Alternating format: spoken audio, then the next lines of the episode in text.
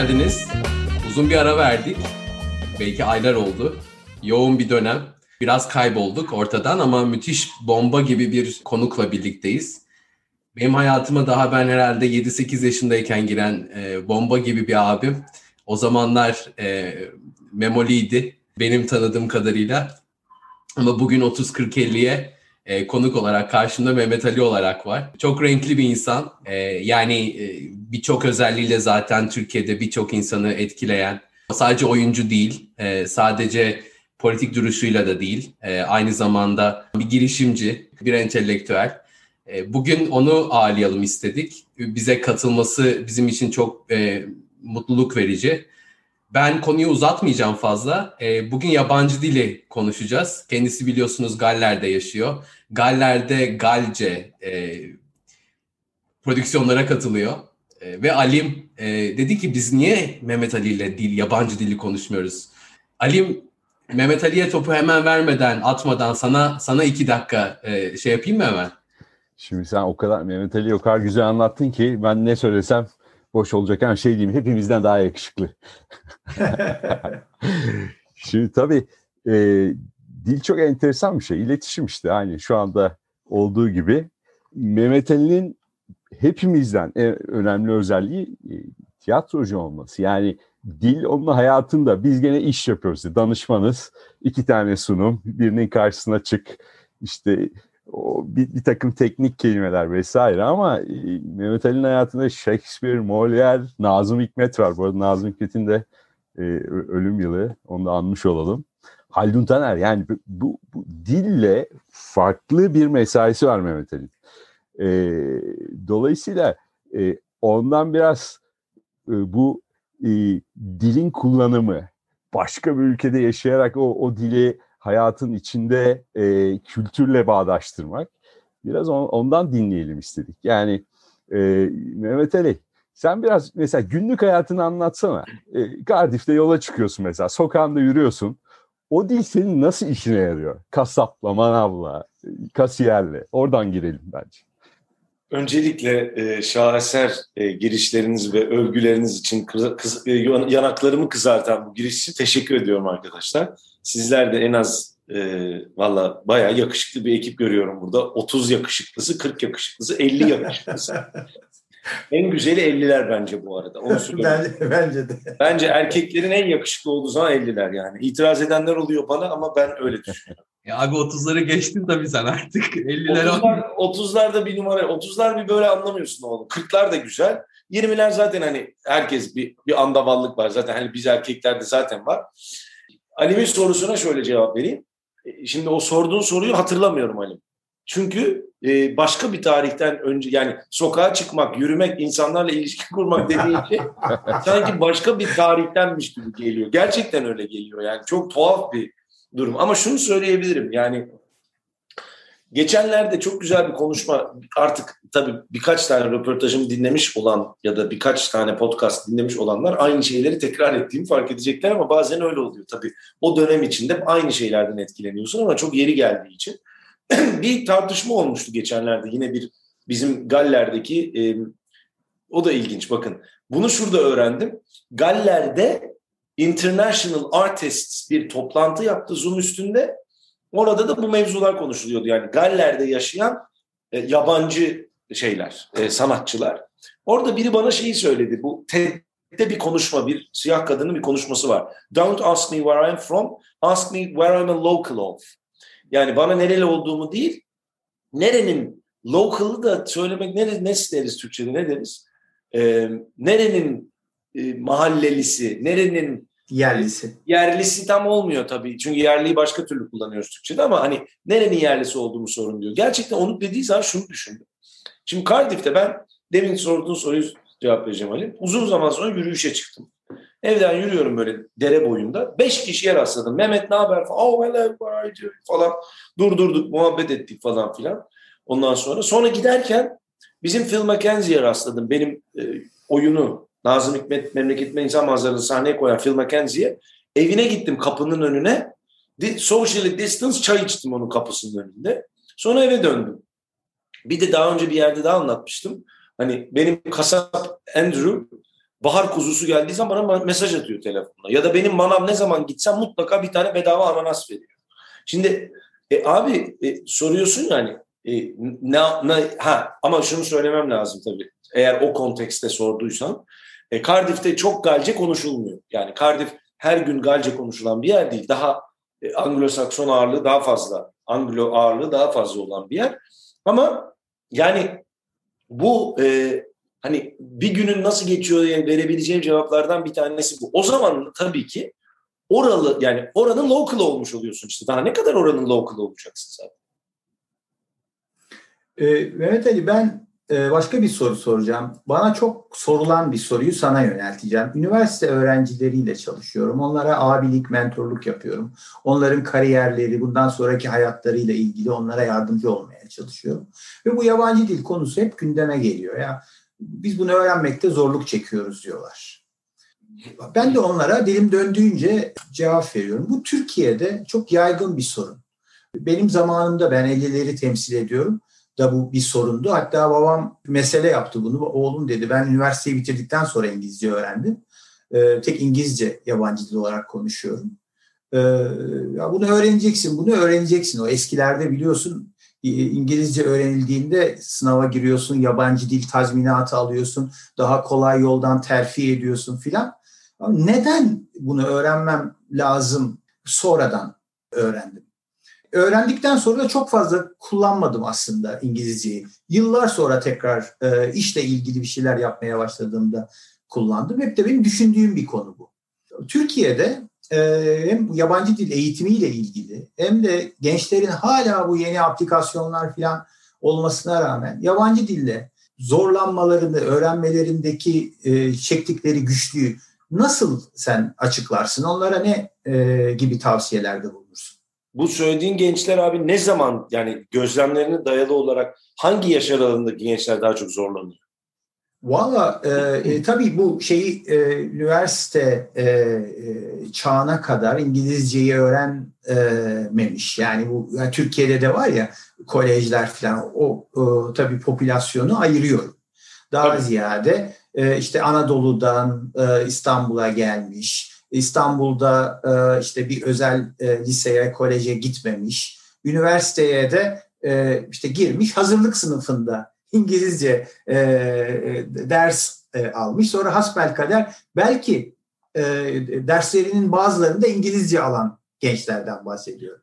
O zaman çok iyi anlıyorum. Çünkü şöyle, şimdi ben İngilizceyi nasıl öğrendiğimi hatırlamıyorum. Gerçekten hatırlamıyorum. Çünkü 12 yaşındaydım. 88, 89, 12 yaşındaydım. Haftada 32 saat İngilizce konuşuyorlardı. English for a Changing World diye bir kitabımız vardı. Oraya böyle 128 kere aynı şeyi yazıyordum yani. E, bir baktım sene sonunda öğrenmişim yani. Hani ancak IQ'nun falan herhalde çok düşük olması lazım. Ya da çok hakikaten çok ilgi göstermemem lazım ki öğrenmeyiz, öğrenemeyiz. Dolayısıyla hani orada yaşlarda öğretildiği zaman öğreniliyor. Ha tabii ki de benimle birlikte okumuş ya da o yaşlarda okumuş herkes aynı düzeyde, aynı iyilikte bilmiyor. O zamanlarda da çok daha iyi konuşanlar vardı. Ee, şimdi de hani belki daha iyi olmuş olanlar, daha kötü olmuş olanlar var. Oralarda yaptığın zaman hani ağaç yaşken eğilir diyorlar ya orası doğru galiba. Yani orada öğreniyorsun. Ama dediğin gençlerin öğrenememelerinden bence birkaç neden. Birincisi e çünkü Türkçe ailesi olmayan bir dil. Hiçbir aile biliyorsunuz bu arada onu da bir anlatayım. Biz bir Galce Türkçe oyun yaptık ya. O sırada da tabii dil üstüne çok konuşmayı çok konuştuk. Bu bizim hepimizin bildiği bir laf vardı. İşte e, Hind, Hint Avrupa dilleri, yok o dilleri bu dilleri Türkçe'de Ural Altay dillerindendir diye bir geyik vardır. Bu bir geyikmiş. bu 68 ya bu Wikipedia'da bile yazıyor. Hiç öyle uzağa gitmeye gerek yok. Bu 68 yılında falan artık e, dil dilciler tarafından kabul edilmeyen bir e, teorem haline gelmiş. Yani o 60'ların sonundan beri Ural Altay diller, dil ailesi kabul edilir bir aile değil benzerlikler olduğu iddia ediliyor ama Türkçe Türki dillerden bir tanesi. Yani Türki diller diye bir aile var. Neredeyse e, şey bir aile bu. Anasız babasız yani her yerden bağımsız bir aile. Dolayısıyla hiçbir ailenin parçası olmayan Türki diller diye bir aile. Yani Özbekçe ile, Türkçe ile, Azerice ile, işte e, Kazakça ile falan yani hepimizin akraba olduğu bir dil ailesi. Şimdi ya benim hani bu, tabii bilmiyorum bunu otursun filologlar falan konuşur. Biz ukalalık ediyoruz. Gündelik tecrübemizden ukalalık ediyoruz yani. Ee, ama şimdi azıcık dillerle ilgilendiğin zaman yani I am Mehmet Ali. Ich bin Mehmet Ali. Je suis Mehmet Ali. Duin Galcesi Duin Mehmet Ali. Hepsinde I var, M var, Mehmet Ali var. Je var, Sui var, Mehmet Ali. Hepsinde aynı. Değişmiyor. Yani bunu biraz daha şey yapabiliriz. Yani dolayısıyla mantık olarak şeylerin yerini değiştirdiğim şey tabii ki sonra dilin çok büyük incelikleri var. Hepsinin birbirinden ayrıldığı. Ama hani more or less diyebiliriz ki üç aşağı beş yukarı aynı structure'dalar. E şimdi bununla hiç alakası olmayan bu şey var biliyor musunuz? E, Türkiye'de e, büyük elçilik yapmış. Şimdi MI6'in başındaki e, İngiliz adam var. O gün de daha önce de konuştuğumuzu söylemiştim galiba. Onun tweetlerine gidin bakın. Bu arada adam inanılmaz İngilizce konuşuyor biliyorsunuz. Bir de espriler yapıyor. Ülkemiz üstüne oyunlar mı oynuyorsunuz Sayın Büyükelçi diyorlar. Evet Antalya Belek'te golf oynuyorum üstünde diyor falan. Türkçe konuşuyor. Yani Türkçe espri yapıyor yani. Evet. Neyse e, or bir tane şey paylaşmıştı bir tweet. Birinin çevirme tweetini paylaşmıştı. Bir İngilizce kelimeyi Fransızca çevirmişler. Böyle şeyler e, oklar gidiyor. Yani işte atıyorum cümle ne olsun işte dün akşam bir yere gittim. I went to somewhere bilmem ne bilmem ne. JT öbürü de bilmem ne. Böyle kelimeler hemen hemen alt alta birbirine match ediyor. Türkçe ile yan yana koymuşlar. Tekrar match etmişler kelimeleri. Tam tersi bir çaprazlama oluşuyor. Tam tersi her şey. Şimdi Ondan biz galiba gramere çok takıyoruz. Oraya takılıp kalıyoruz. Ondan yani, sonra da mükemmel konuşacağız diye e, psikozlara giriyoruz. E, o, e, çok iyi e, yani Cem Yılmaz da söylemiş ya e, harika böyle e, şeller, şantlar, oğut tubiler filan öğreniyoruz. e, Pakistanlı İngiltere'deki pasaport görevlisinin karşısında o İngiltere'de halbuki o lisanı konuşan üç kişi kalmış. Yani e, dediğin doğru belki yapısı itibariyle çok e, daha farklı bir dil olduğu için gramere ondan mı acaba biz bu kadar takıyoruz da ondan sonra gramer gramer gramer ondan sonra da bir türlü konuşamıyoruz. Şimdi bu birinci bence nedeni. İkinci nedeni yani gramer hani evet gramere takıyoruz takmıyoruz ama hani at kendini oraya zaten dil dediğin kendini rezil etmen gereken bir şey. Hep öyle diyorlar ya yani hani rezil de öğreneceksin yani. İkinci problemlerimizden bir tanesi bence e, bir şey soracağım merak ettiğim için. Hani gözlemlerinizden tabii elimizde bir data yok. Ama Kürt çocukları mesela, Kürt illerinden gelen çocuklar daha kolay öğreniyor olabilirler mi? Valla en iyi ka- kapalı çarşıdaki e, ticaret yapan, bir şeyler satan çocuklar öğreniyorlar. Hiç gramer falan da öğren, öğreniyorlar. Yani dili zaten ne için öğreniyoruz? Yani iletişim kuracağız. Ee, bir, bir amaç için öğrenmemiz lazım. Biz dili önce bir öğrenelim, cebimize koyalım, bilezik ondan sonra e, işte gerekirse diye dil öğrenilmez. Genelde biz dili öğreniyoruz, kullanmıyoruz ki, konuşmuyoruz. Ee, bir hata yapmaktan korkmak, mükemmel konuşmak böyle bir şey de var. Bu da acaba bizim kültürümüzün ögelerinden bir tanesi mi? Yani dediğin doğru. Çocuklar çünkü daha az korkuyor. Yani sen ondan dolayı mı o örneği verdin bilmiyorum. Onlar daha az mükemmellik takıntısı içerisinde olduklarından daha hızlı öğrenebilirler. Onu mu demek istedin? E, hayır ben bu demin sorduğum soruyla ilgili hani Kürt evet. illerinden gelen ana dili Kürtçe olan çocuklar e, zaten çünkü iki dil konuşanların öbür dilleri daha çabuk öğreneceğine dair benim bildiğim kadarıyla birçok araştırma var ve kafalarının daha daha e, şey çalışabildiği, e, multifunctional çalışabildiğine dair. Birincisi bu. E, ikincisi bu mükemmellikle ilgili problem galiba eğitimli insanlarda oluyor. Yani eğitimli, bu burada da bir tane referans vereceğim. Bir e, being e, on e, on on being an exile diye bir e, makale okudum. Bir e, felsefeci e, şeyden kaçan, e, Holocaust'tan kaçıp Amerika'ya yerleşen Hannah Arendt ve o tayfanın içindeki felsefecilerinden bir tanesi On Being an Exile diye çok e, güzel bir şeyi vardı. Orada şeyi anlatıyordu. Sürgün olma meselesini ve orada çok güzel bir laf ediyordu. Diyordu ki mealen aktaracağım. Entelektüeller diyor. Ya tabii ki benim dediğim entelektüeller değil ama hani eğitimli insanları da bunun içine katabilirsiniz diyor. E, şey yapanlar diyor, gündelik işler yapan insanlar hemen diyor canned phrases böyle hazır kalıplar için hemen konuşmaya başlarlar yabancı Ama entelektüel için diyor her zaman bir şey aşağıda uçtuğunu bildiği için çok sancılı bir alandır. Onun için konuşamazlar diyor. Muhtemelen eğitimli insanlar da hani kendilerini Türkçe'de kendilerini ifade ettik ya da ana dillerinde kendilerini ifade ettikleri kadar iyi ifade etmek ve de tabii muhatap oldukları konular daha kompleks olduğu için atıyorum siz bir doktorsanız ya da bir mühendisseniz bir dönerciden daha kompleks konular. Bu aşağılamak ya da hiyerarşik bir şey koymak için söylemiyorum ama konuştuğunuz konular daha kompleks olacaktır. O hani aman yanlış yapmayayım kompleksi biraz oradan geliyor olabilir. Çünkü şey olduğunuz zaman şoför olduğunuz zaman olay koyar. Take me where you going? This way, okay falan yani. Bir de şey yok mu? Ee, yani bizim toplum çok eleştirel bir toplum. Hak her kesim yani. Sürekli hani birbirimizin şey hatasını bulma, bir yanlışını bulma üstünde de kurulu olduğu için insanlar bence yetişkin yaşlara ulaştığında hata yapmaktan daha korkar hale geliyorlar. O da bir sebep olabilir. Doğru. Birbirimize karşı daha zor zaten konuşuyoruz. Ay şunu yani yabancılarla bir araya geldiğimiz zaman biraz daha sakınmadan konuşabiliyoruz. Bu doğru. Ee, yani ben de bir Türklerle birlikte bir toplantıda İngilizce konuştuğum zaman bunun karşılığında yabancılarla yaptığım konuşmada daha rahat oluyorum. Çünkü e, böyle bir otokontrol mekanizması çalışıyormuş gibi. Yani birbirimizin işini zorlaştırıyoruz Türkler. E, ben onu düşünüyorum. Bir de şey var mesela biz acaba yabancı bir mesela Türkçe konuştuğunda kendine örnek Ben, benim çok hoşuma gidiyor. Hiç aklımın ucundan ya bir kelimeyi de yanlış söyledi şunu bir işte düzelteyim falan demek gelmiyor yani. Öyle de bir ilginçlik var. Doğru. Yani bu de e, tabii üniversiteyi bitirdikten sonra yabancı dili öğrendim. Ve işte bir global şirkete çalışmaya başlayana kadar ben de bu mükemmellik esasında kıskacındaydım. E, fakat daha sonra bilmiyorum bunu Mehmet Ali e, yaşadı mı Galler'de.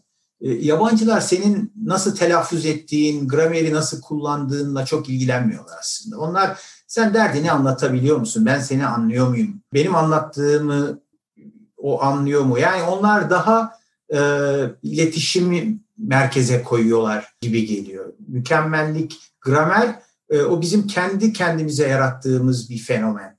Benim için farklı tabii. Yani benim dille, demin Ege mi, e, Ali mi söyledi galiba. Benim dille olan ilişkim biraz daha farklı. Senin Şu işin icabı. daha farklı. Yani benim için Türkçe de farklı. Yani atıyorum bu böyle mi telaffuz edilir? Öyle bir evde büyüdüm ki anasını satayım telaffuz bir şeyi yanlış telaffuz etmek yasak yani. Hani yasak değil. bir şey söylüyorsun baban düzeltiyor. Bir şey söylüyorsun annen düzeltiyor falan. Ya da o öyle değildir böyledir işte. Miras denir mesela. Miras denmez atıyorum. Nisan değil Nisan'dır. Hayır yoktur falan gibi. Anlatabiliyor muyum? Şimdi sadece sözcüklerin e, anlamları değil ki ben mesela çok fazla eski Türkçe sözcük kullanırım. Ama ısrarla da sözcük sözcüğünü kullanırım kelime yerine. Onu da babamın söylemesi ne kadar doğru bilmiyorum. Melih Cevdet uydurmuş sözcüğü. Kelimenin yerine sözcüğü Melih Cevdet Anday koymuş. Sözcüğü çok sevdiğim için sözcük kullanırım ama Türkçe'de de bakın aklımın hala bir kenarında sözcük diyor olduğum yani bunlar hep çalışmaya devam eden kafamın içinde. Dolayısıyla ben, hani ben İngilizce konuştuğum zaman da o kadar manyak ve psikopatça anlamaya şey yap mesela biri bir, bir de tabii telaffuz benim için çok önemli yani yani şey olduğu için hani aktör olduğun için aslında o kadar da takmamak lazım ben biraz fazla da takıyorum. Şimdi bir örnek vereceğim. Ben üç gündür işte bir haftadır Fransa'dayım bir çekim için. Burada da birazcık da Fransızcam vardır ama yani böyle hani idare edecek kadar işte öyle oturup muhabbetler edecek kadar değil. Ee, burada da Fransız televizyon izliyorum. Şimdi onu izlerken şu duyguya kapıldım. Fransa'ya yerleşmiş olsaydım. Abi benim bu kadar zamanda bunun her kıvrımını, her referansını, her anını anlıyor olmam gerekirdi. Yok, yap, yani yoksa ya, o işte hani bana hep sorulan soru işte kendinizi nasıl hissediyorsunuz? Sürgünde hissediyor musunuz? Bilmem. Ben de yabancı hissetmediğimi söylüyorum. Bu yüzden yabancı hissetmediğimi. Çünkü televizyonu açıyorum. Televizyonda söylenilen şeyleri hepsini biliyorum. Bir şeyi de bilmiyorsam hemen bakıp öğrenmeye çalışıyorum. Şimdi dün Fransa'ya baktım anlıyorum bazı muhabbetleri. Anlıyorum ama onun gerçekten burada yaşayan hani o lokal biri kadar onun içine girebilmeyi becerebilir miydim? Bu, bu yaştan sonra bu kadar Fransızcayı geliştirebilir miydim? Açıkçası emin değilim. O zaman da hala böyle çok rahat eder miydim? Ondan da emin değilim. Dolayısıyla hani benim için dilin böyle bir ek, hani ben o şey kategorisine giriyorum ama konuş konuşmayayım değil konuşurum. Orada utanmam ama eğer orada yaşıyorsam hakikaten onu böyle dibine kadar bilmek isterim. Tıp, tıpkı Türkçe'de de olduğu gibi yani. Hani ö- öyle bir level. Biraz kültürün parçası oluyorsun değil mi abi? Yani çünkü Evet. dil öğrenmek aslında o kültür kapısını açıyor sana. E, e, tabii yani şeyi açılıyorsun abi. Yani şimdi bu şeye benziyor ya. Fransa'ya geleceksin, peynir yemeyeceksin mesela. Hani anlatabiliyor Yani tamam vegan arkadaşlarımız kusura bakmasınlar ama hani vegan değilsiniz, vejeteryan ya da yani vegan değilsiniz ve peynir yemiyorsunuz. Ben çok sevmiyorum peynir. E abi o, o yazık o zaman sana bence. Yani anladın mı? Hani ben şarap içmiyorum falan. Hani e yazık sana kardeşim o zaman. Ya da ne bileyim gittim Britanya'ya. Ben pub çok sevmiyorum yani. Hani gittin mi? Yok çok gitmedim. Hani git sevme ama abi Britanya'da yaşıyorsan bira içeceksin. Burada yaşıyorsan şarap içeceksin. Ve o dili de yani ben hani bunu dili onlardan ayrı bir şey gibi algılamıyorum aslında. Onu söylemek istiyorum. E, sen Türkiye'de misin Ege şu an? Yok abi Londra'dayım. O zaman shame on you o içtiğin biraya. Shame on you ya. Ne içiyorsun Ege sen? Göstersene o markasını söyle ama reklam neyse. Hani Reklama girer? Alman birası iç. Alman bir işte yani. Ama bir şey söyleyeyim mi? Yani içtiğim bira tabii kaliteli bir Alman birası değil. Reklam verme yapmamak için ismini söylemiyorum ama e, sonuç olarak buradaki e, ya Mehmet Ali sen de e, hak vereceksindir. Alim de muhtemelen daha şey. Buradaki şeyler hoppy abi. Ben hoppy tastes çok sevmiyorum. Ben lagerciyim yani. E, daha continental European. O zaman bizim ülke lagerlerinden de deneyebilir. Neyse pardon. Durun bira için ayrı podcast yaparız. Yani bir araştırma yapılmış. O araştırmada yabancı dilin ait olduğu ülkenin sosyal ve kültürel hayatı üzerine ilgisi olan öğrencilerin olmayan öğrencilere göre dili çok daha kolay, hızlı bir şekilde öğrendikleri görülmüş. Mesela sen de Galler'de yeni bir hayat, yeni bir ülke, yeni bir dil. Galler'de bilmiyorum kaç milyon insan yaşıyor. Bunların ne kadarı Galce konuşuyor. E, sen o milyon 300 bin insan yaşıyor. 800 bini Galce konuşuyor. e, şimdi sende yani mükemmel olmasa da Galce konuşmaya e, e, kafayı takmışsın öyle anlıyorum. Hatta işte e, harika bir dizi ben ilk bölümünü seyrettim. E, orada da e, senin e, telaffuzunu da gördüm. Anlam Galce bilmiyorum ama gayet iyi konuşuyorsun. Bana Ya göre. kritik edecek misin gibi yani. Galcisinde ben bir hata yakaladım diyecek misin gibi. Yok, yok ya Gal, Galliler bile e, hepsi konuşmuyor Galce. Yani o ülkeyi tanımak, o ülkenin bir lokali olmak, oranın kültürünü tanımak için Galce öğrenmek için tabii ki e, işi icabı da aynı zamanda. Yani o bir e, oyuncu, e, oranın kültürel hayatını, oranın e, değerlerini, oranın hayat yani o, o insanların hayata bakışını öğrenmek için de dili öğreniyorsun aynı zamanda. Ee, bilmiyorum ee, yani Abi sen lafı Senin- dolandırıyorsun. Ben net e, şu an çok e, genç şeyinden sorayım. Yani bir romantik şeye bir etkisi yok mu Mehmet Ali? Ben öyle düşünüyorum. Yani aşk hayatımıza da bir pozitif olmuyor mu aslında? E yani tabii ki mutlaka vardır. Hani zaten e, hani bazen böyle amiyane tabiriyle dil dile değmeden öğrenilmez diye bir laf varmış ama. Ya tabii dil abi çok tuhaf bir ma- malzeme. Yani hani dil... Ha bak ama şunu söyleyeyim.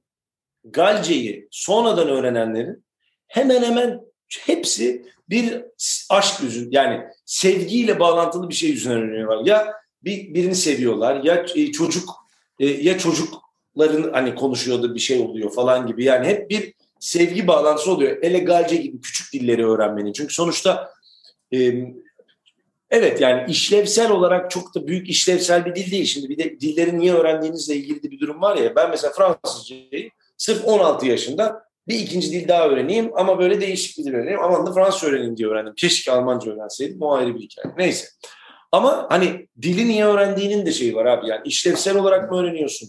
Bununla hakikaten bir şey mi? Yani ben mesela Almanca felsefe okumak çok isterdim yani. Hani düşünebiliyor musun? Şimdi Wittgenstein'i Almanca okuyacaksın. Allah falan. Yani inanılmaz bir olay yani. Hani, ya da atıyorum ya ben aslında çok hevesleniyorum tabii. Düşünsenize şimdi Dostoyevski ya da Tolstoy Rusça okuyabiliyor olsam mesela. Yani inanılmaz bir şey ya. Düşünsene yani muhteşem bir şey. Yani dolayısıyla hani dil neye doğru kullandığınla doğru orantılı. Yalnız bir şey konuşurken tekrar tekrar dil üzerinden şunu söylemeden geçemeyeceğim.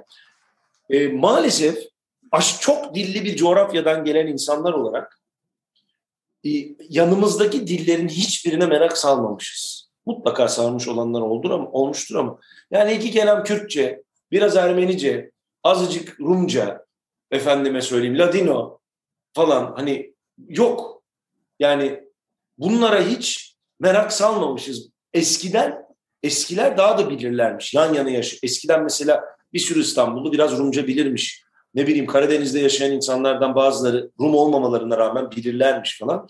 Fakat bu da tabii bizim bir şeylerimizden yani yaralarımızdan ve homojenleştiğimiz yerlerden bir tanesi. Belki o zaman dile olan şeyimiz daha da farklı olacaktı. Şimdi mesela özellikle kıta Avrupa. Bu arada İngilizler de felakettir. Ama Mehmet Ali ben sana şöyle söyleyeyim hemen. Ben şimdi senin söylediğin bir ailede büyüdüm.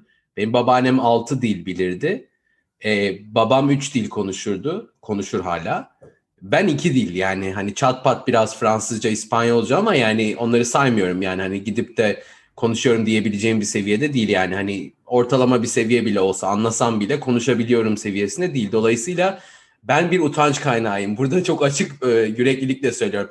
Yani ben bunu öğrenemediysem e, bunun içine doğmamış insanların öğrenmesini beklemek de bence biraz haksızlık. Yani e, organik olarak demek ki dünya değişti veya Türkiye değişti. Organik değil biraz ama forcefully de değişti. Yani o yani, altın sana gelmemiş olmasının tamamen Cumhuriyet tarihiyle alakası var, darbelerle alakası var. Bu bir sürü insanın özellikle azınlıkların korkmaları ve dillerini devam ettirmemesiyle ilgisi var. Ya. Kürtçeyi düşünün yani. Ya Kürtçe dili ben hatırlıyorum çocukken Kürtçe konuşmanın yasak olduğunu. Adamı şeye götürdü. Orada öldü ya Ahmet Kaya. Ben Kürtçe şarkı söyleyeceğim dedi alt tarafı. Yani Kürtçe Türkiye'nin en büyük ikinci dili yani. Düşünsenize. Hani e- eğitim sistemi yani Türkiye'deki eğitim sistemi de e, ezberci, meraklı olmayı değil de adeta yüzeysel olmayı, e, aynı olmayı, farklı olmayı değil de aynı olmayı, e, e, soru sormayı değil de hani test usulü e, çoktan seçmeli, e, hemen sonuca gideyim. Yani halbuki onu destekleyen bir eğitim sistemimiz olsa meraklı olmak, öğrenmek, araştırmak. Yani mesela ben seni e, dışarıdan gördüğüm kadarıyla Mehmet Ali sen çok meraklısın. Ondan kolay dil öğreniyorsun. Dilin kıvrımlarına hakim olmak istiyorsun. Şimdi mesela yeni yetkinlikler Ege Alim'in e, e, alanına giriyor. Sen sürekli bir öğrencisin. Sürekli öğrenme hali içerisindesin. Artık ben oldum demiyorsun. Ama Türkiye'de öyle değil. Biz bir an önce hani bir şeyleri olacağız, bir yere gideceğiz, kısa yoldan e, bir şeyleri başaracağız bu eğitim sisteminin de bir sonucu bence. Yani o eğitim sistemimizi İngilizce, yabancı dil her neyse değil sadece genelde eğitim sistemimizi de değiştirmemiz lazım. Ya bir de şöyle mi acaba şu abi yani sadece eğitim sistemi tabii ki çok önemli ama bir taraftan da genel teşvik de. Bir örnek vereceğim. Bilmiyorum hani hatırlar mısınız? 1980'li yılların galiba ortasındaydı. Moonlighting diye bir dizi vardı. Şey, e, Mavi Ay hatta. Hmm. Bruce Willis Civil Shepard oynardı. Evet, çok iyi Ve hatırlıyorum. o dönemde ben şunu gayet net hatırlıyorum.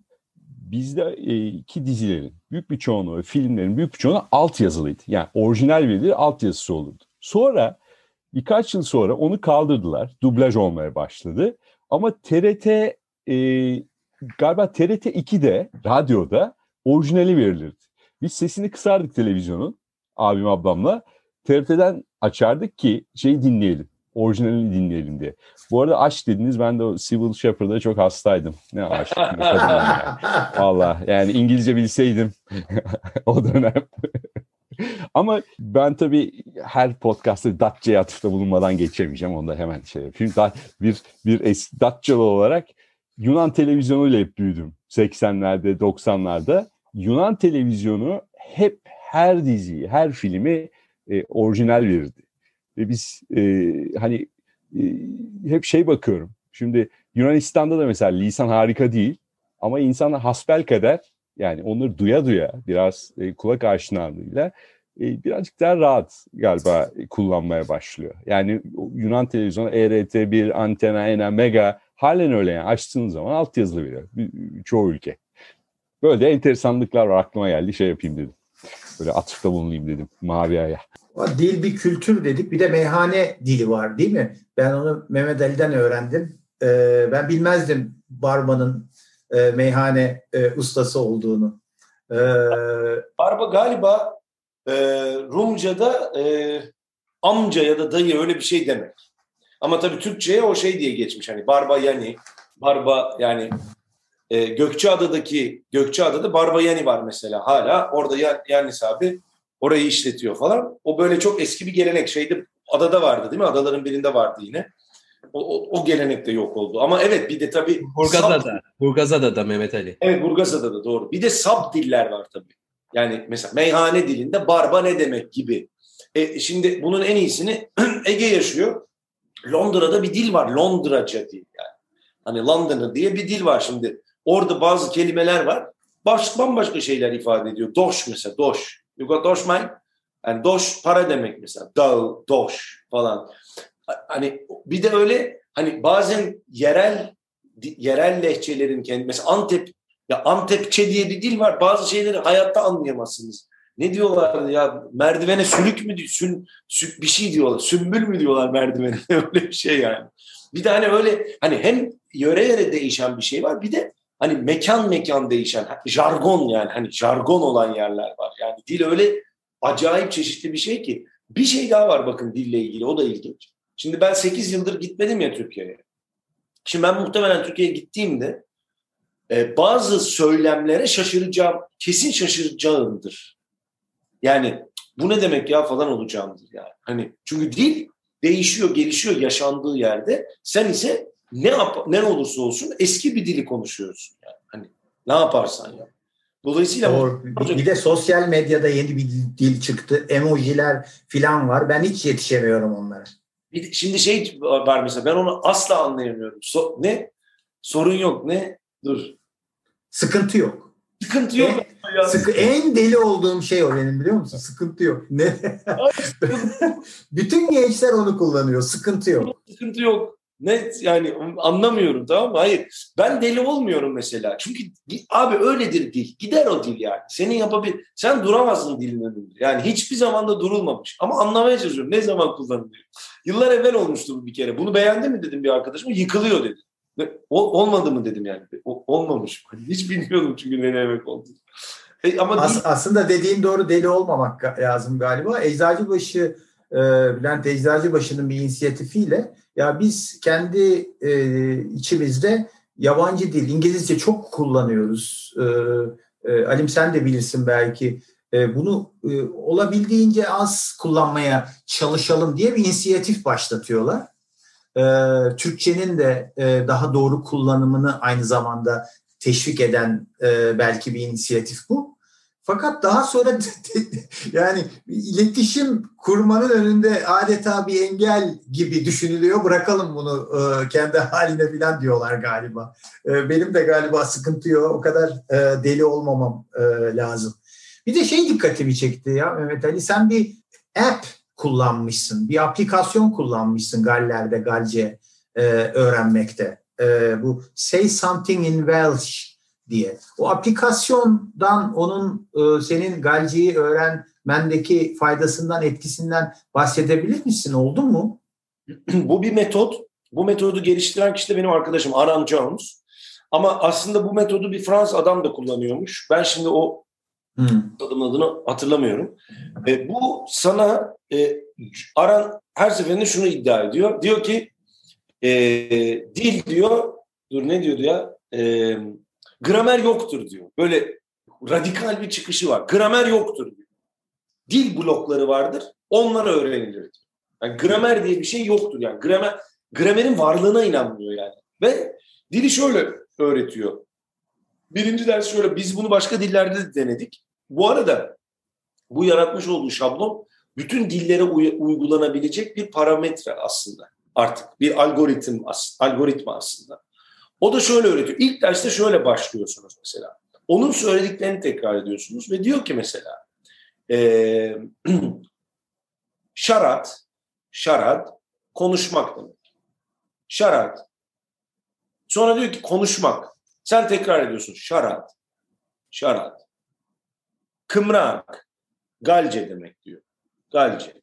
Kımrak. Ben diyorum ki galce sen tekrar ediyorsun. Kımrak. Sonra o da arkadan da tekrar ediyor. Böylece doğru söylenişini de anlıyorsun tamam mı? Ee, ben konuşuyorum. Ben konuşuyorum. Doing şarat demektir diyor. Sonra diyor ki ben konuşuyorum. Sen diyorsun ki doing şarat. Sonra duruyor. Ben Galce konuşuyorum diyor. Sen doing şarat kımrak diyorsun zaten. Daha ilk yarım böyle yarım saatlik bloklar halinde bunu da dinliyorsun. Şimdi onu bir epe çevirecekler. Bu yarım saatin içinde bile bittiği zaman sen cümleler kurmaya başlıyorsun. Şey gibi olmuyor yani. Hello, my name is, what is your name? Hello, hi, what is your name? Hello, hi. Hep aynı şeyi öğretirler ve adamın canını okurlar ya. Öyle değil yani. Ve bunu yaparsan, yaparsan, yaparsan hakikaten sana arada tasklar da veriyor falan. E, bunun bir de İspanyolcasını yaptı. Say something in Spanish diye aynısını. İlginç bir yöntem. Bana çok iyi geldi yani. Bana dört evet. ay kursa gitmekten daha iyi geldi. Mehmet Ali ben de zaten tam o tanımı kullanacaktım. İngilizlerin tabiri. This is interesting. yani biraz gerçekten e, radikal yani mevcut aslında hakim e, anlayışa ve eğitim tekniklerini radikal olarak aslında sorgulatan bir yöntem. This is interesting'i ben e, dokundurmak istiyorum. This is interesting senin için ne anlamı? Bak sen kendin söyledin. Ben hiçbir şey söylemedim. Geri rewind edip şey yaparız yani. İlginç bir yöntem dedin. Şimdi bak ilginç bir yöntem Türkçe'de tamam ama İngilizce'de İngilizce'de interesting hiç güzel bir şey değil demek yani. Daha doğrusu this is shit demek yerine interesting diyorsun. Ama bu işte bir cultural code. Yani bu inanılmaz bir cultural code yani. Ee, yani mesela şeyler var. Ee, Wouldn't it be better to do it this way? Onun Türkçesi sıçacağım çarkına bunu böyle yap abi bir de sıkıntı yok desene İngilizce. no problem abi. Sıkıntı yok no problem ya. No problem mate. Yani ben mesela no problem'ı da şey yapamıyorum abi. Thank you diyorsun no problem diyor ya karşı taraf. No, orada da kafam gidiyor benim tamam mı? Niye bir problem mi yarattım ben sana? Hani yani problem mi olacaktım yani? No problem'ı sevmiyorum yani. Hani Bilmiyorum. Abi tüylerimi şey yapan diken diken eden ta. Aa ta ta. İnanılmaz. Şey, bu arada şeyler çok güzel bir şey söyler. Ee, İrlandalılar no sweat derler. No sweat. Hani ter dök yani ter ter yok yani gibi. Ama e, rahat ol anlamında mı? Evet no sweat. Hani thank you no Kolay sweat. Kolay bu tabii interesting, interesting mevzu hakikaten mühim bir mevzu. Yani bir kere Britanya İngilizcesinde söylediğin şey o, o yani kurduğun cümle kurduğun cümle anlamına gelmiyor. Burada yeteri kadar yaşadığın zaman onun arasını okumaya başlıyorsun. Biz ilk geldiğimizde ilk ilk 2-3 yıl e, native speaker arkadaşlarımla ben e-postaları okutup aslında ne demek istiyor burada diye. Kulaklar için nasıl benim bir patronum vardı Simon anlatırdım böyle ben e, heyecanlı heyecanlı. O da this is interesting derdi. ben de döner bakardım ya sen iyi bir şey mi söyledin, kötü bir şey mi söyledin? Şunun direkt söyle ne düşünüyorsan filan. Kültürel kod dediğin çok doğru. Ben bir hikaye anlatayım o zaman kültürel kod deyince. Ahmet Haşim e, böbrek hastalığı var e, ve şey gidiyor Frankfurt'a gidiyor işte o dönemde Frankfurt seyahat, e, seyahatnamesi diye de yazmış çok güzel. İşte yatarken hastanede çok hoş bir e, Alman hemşire var, genç bir kız. Birazcık da ona hoşlanıyor ama çok da çaktırmıyor. İşte kız bakımını yapıyor, ilaçlarını veriyor. Bir gün işte laf arasında e, hemşire diyor ki Ahmet Haşim, ya diyor sen de diyor ne kadar güzel bana bakıyorsun, e, işte bana bu kadar ihtimam gösteriyorsun. Seni seni alıp İstanbul'a götüreceğim diyor. Neyse Ahmet Haşim'in tedavisi bitiyor. Ee, bir tam çıkarken kapıdan e, hemşireyi görüyor. Hemşire diyor ki e, ya Ahmet diyor aileme haber verdim hatta mektup yazdım izin aldım İstanbul'a gitmeyi bekliyorum bavulum da hazır diyor ve Ahmet Haşim şöyle bitiriyor.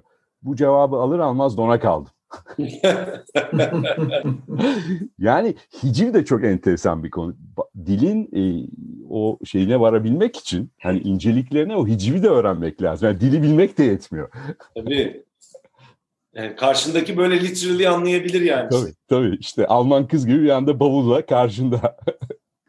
Mehmet Ali çok teşekkür ediyoruz. Ee, harika bir podcast oldu, harika bir söyleşi oldu. Sen bizim gördüğümüz kadarıyla dili e, kafaya takmış, e, dilin kıvrımlarına hakim olmayı e, dert edinmiş birisin. Biraz da tabii işin icabı ama herkes de senin gibi değil. E, dolayısıyla bu yabancı dili tema yaptığımız e, söyleşimize büyük renk kattın. Çok teşekkür ediyoruz, çok mutlu olduk.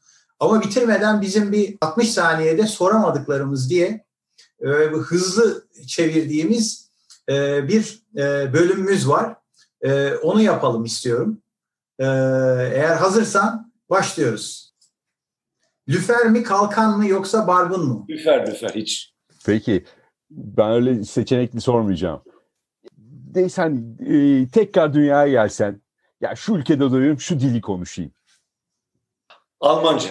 Almanca. Abi söyledi zaten. Sen de dinlemiyorsun ki adamı. Ne yapayım, ne yapayım belki de Interesting question. belki Vietnam. It's quite good. Mehmet Ali tek mi duble mi?